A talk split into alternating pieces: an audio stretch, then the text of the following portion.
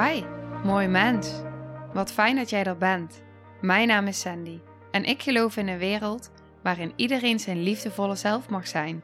In deze podcast praten we openlijk over alle struggles die je tegenkomt op het moment dat je tegen jezelf aanloopt.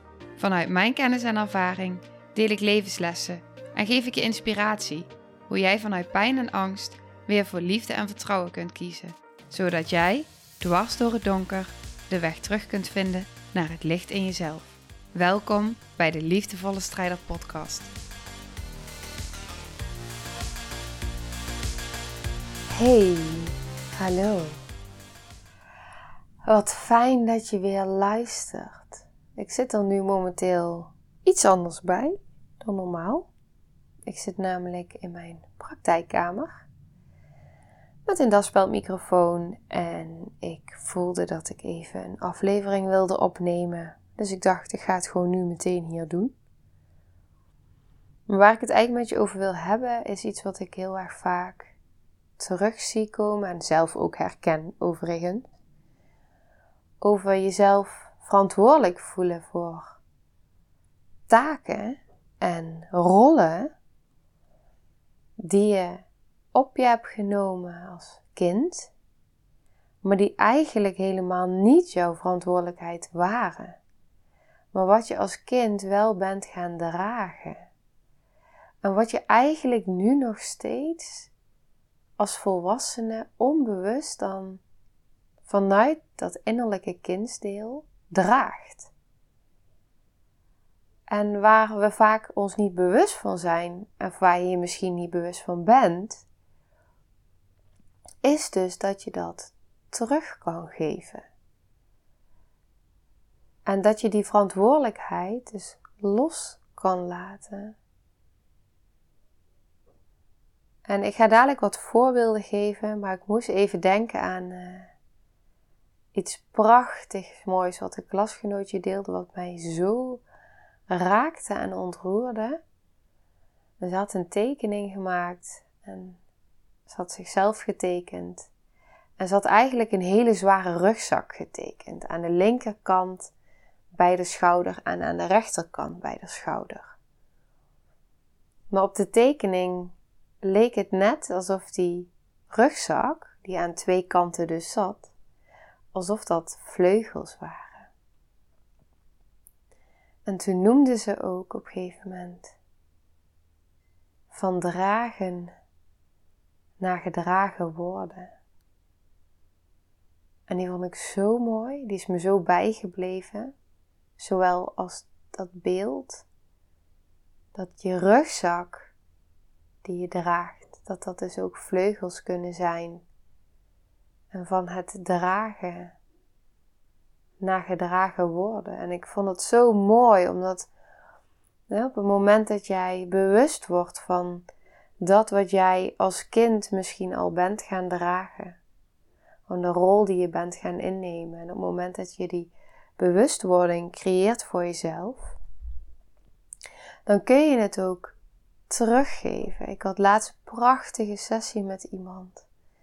En je kan dus echt energetisch kun jij bagage eigenlijk, die niet van jou is, maar die jij draagt, ballast, die kun jij teruggeven. En wat ik op dat moment met haar in de sessie heb gedaan, is ik ben voor haar gaan staan en ik ben in de rol van een van haar ouders gestapt.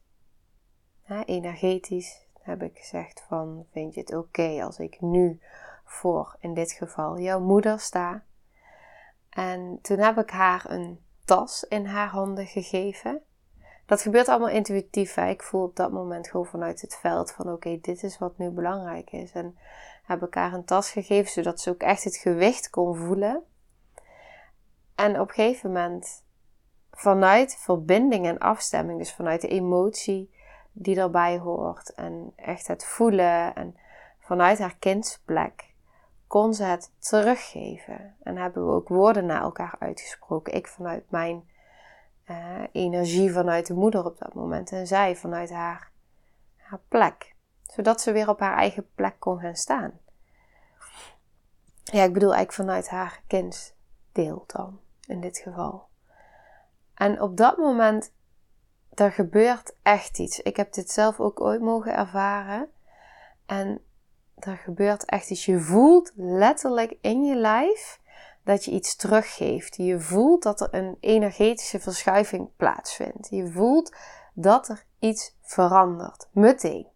Zo heb ik hem ervaren. En dat is ook wat bij haar gebeurde. Alsof ze lichter werd. Dat is wat ze, wat ze ook zei.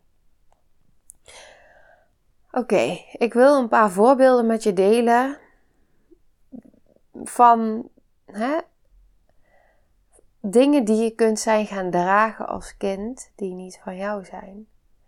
Bijvoorbeeld, je ziet het ook vaak, hè? als bijvoorbeeld ouders een bepaalde droom hebben, die zij nooit waar hebben kunnen maken. Of dat ze heel graag een instrument hadden gespeeld. Uh, dat ze een bepaalde baan hadden gehad. Dan kan het zijn dat jij voelt in de energie bij je ouders, of misschien zelfs door de dingen die ze ook zeggen, dat ze dat zo graag hadden gewild, dat jij als kind die verantwoordelijkheid op je gaat nemen om hun verloren droom waar te maken. En je hebt ouders die dat dan dus heel erg gaan stimuleren. Die er misschien zelfs wel heel erg veel druk op gaan leggen. Ja.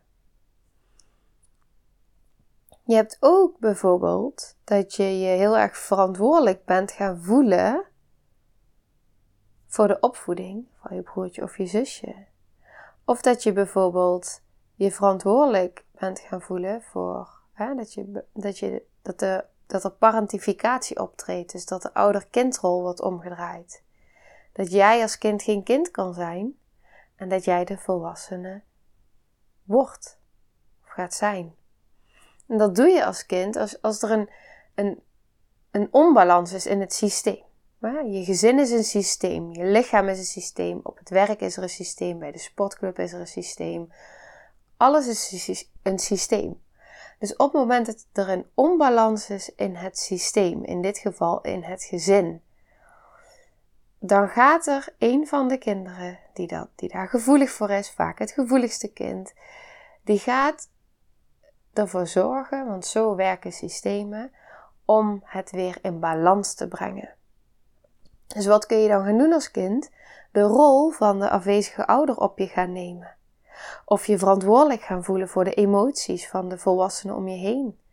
Of misschien wel dat je gaat bemiddelen als er conflicten zijn. Je ziet het, dat is ook heel mooi hoe het werkt. Je ziet dus op de werkvloer bijvoorbeeld, zie je vaak patronen terugkomen in een team van hoe het vroeger bij mensen thuis was. He, altijd degene die altijd maar zegt: Doe ik wel, regel ik wel. ik, ik pak alle, alle taken wel op me. Of iemand die heel graag de controle wil behouden. Je kan het dus zien binnen een team. misschien heb je de zorgzame. Je hebt allemaal verschillende rollen die iemand dan dus eigenlijk vroeger ook op zich nam als kind. Die die vervolgens dus ook weer op de werkvloer op die manier gaat doen. En ook binnen het werk, net als in een gezin, wat ik al zei, is dus een systeem. Dus op het moment dat daar een onbalans is, dan zie je dat altijd die teamleden of de gezinsleden, ehm, die gaan dan die onbalans willen, ja, weer in balans willen brengen.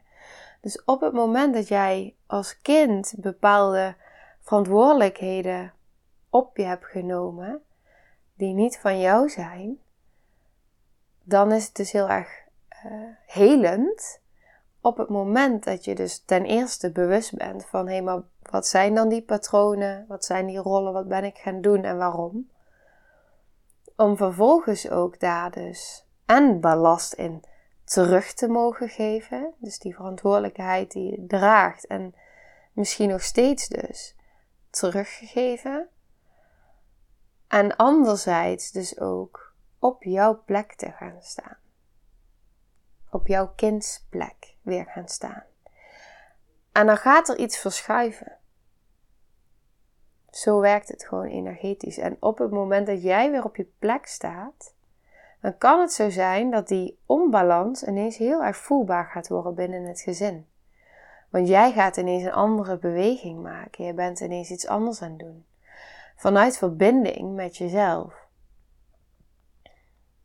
En dan zou het kunnen dat anderen ook op hun plek gaan staan of niet. Hè? Mensen worden dan heel erg geconfronteerd met het feit dat jij een andere beweging gaat maken. En dat kan natuurlijk van alles oproepen bij die ander en binnen het systeem.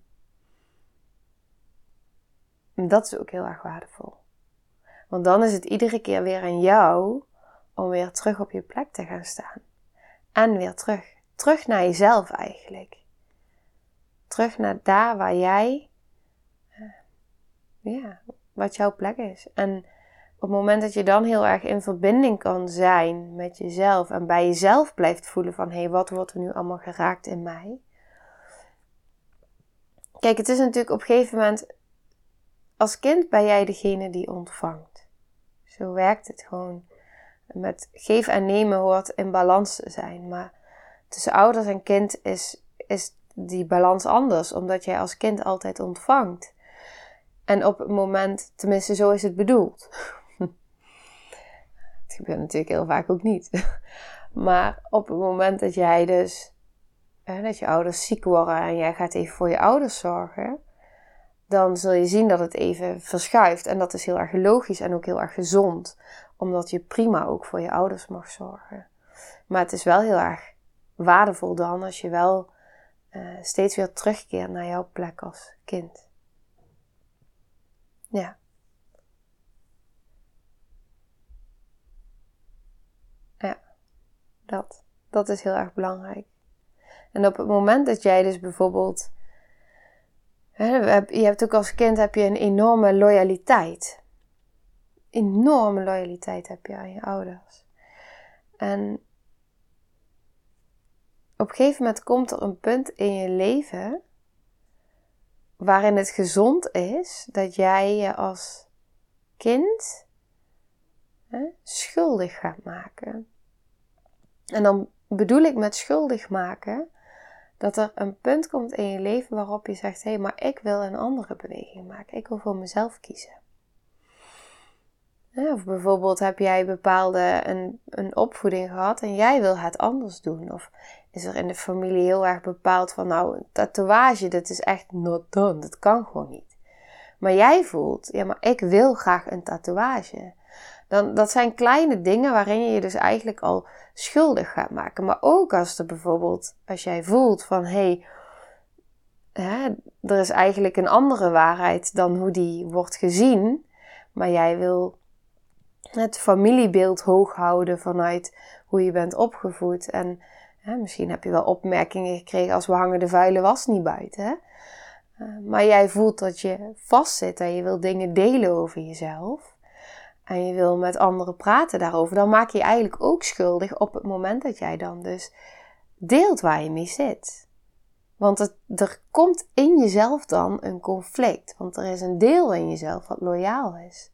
Maar er is ook een deel in jou wat heel graag wil helen en wel hierover wil praten of, of hiernaar wil kijken met iemand.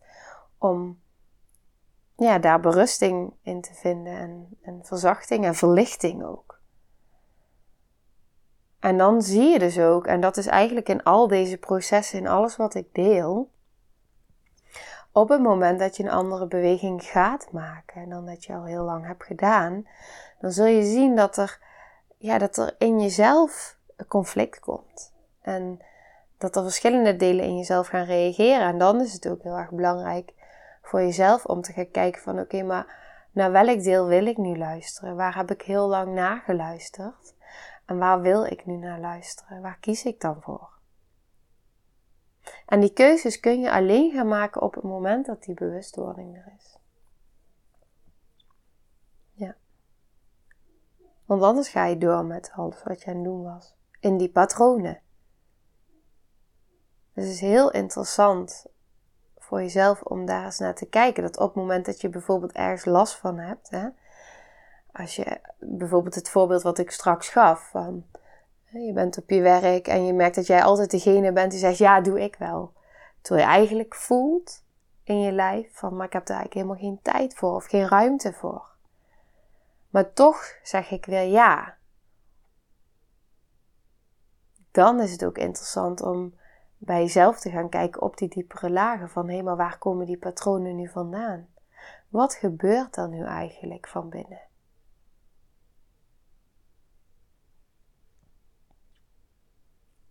Want vanuit daar kun je een andere beweging gaan maken. Een beweging die ik als helend noem. Vaak is het bewust worden van en het kunnen toestaan en naar kunnen kijken. Dus het kunnen zien wat er nu speelt van binnen en kunnen zien wat er nu ja, wat er is eigenlijk. Gewoon wat er is. Het is, weet je, vaak, het is er allemaal al. En je kan steeds blijven wegbewegen en in die rondjes blijven lopen. Of je kiest ervoor om eens een keer de andere kant op te gaan, in dit geval naar binnen.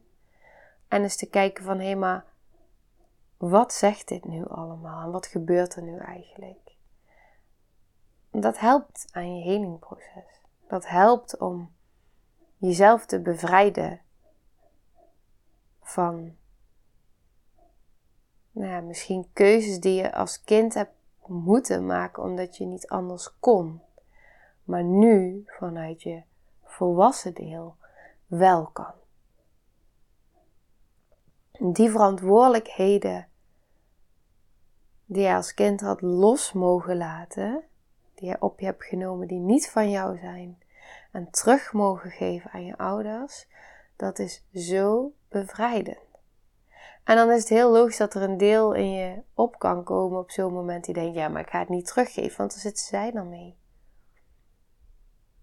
Maar het gaat over jezelf bevrijden. En dat heeft een effect in het hele systeem.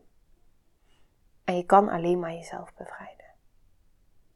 En jezelf helen en jezelf veranderen en transformeren. En dan zul je zien dat het om je heen mee ja, gebeurt. Verandert. De verandering zit altijd in jezelf.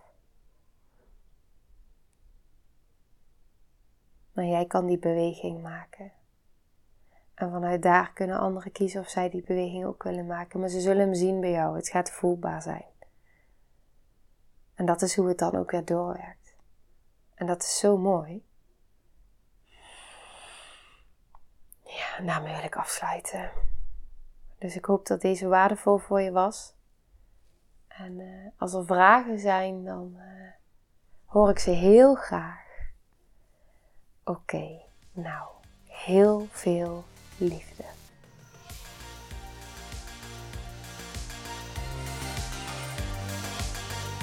Nou, lieve mensen, ontzettend bedankt voor het luisteren. Ik ben heel benieuwd wat je van de aflevering vond en welk inzicht je eruit hebt gehaald. Mocht je nog vragen hebben of is er een onderwerp waar je meer over wilt weten, laat het me dan weten. En wie weet neem ik het mee in een van de volgende afleveringen. Als je het leuk vindt, kun je de aflevering delen of maak een screenshot en tag me op Instagram. Want ik vind het echt super tof om te zien wie er luistert. De link van mijn Instagram staat in de beschrijving bij de podcast. En wil je blijvend geïnspireerd worden? Klik dan op abonneer of volgen in de podcast-app waarmee je luistert. Dat zouden ik en alle toekomstige luisteraars enorm waarderen. Want dat zorgt er namelijk voor dat de podcast beter gevonden wordt. Nogmaals, dankjewel voor het luisteren en heel graag tot de volgende aflevering.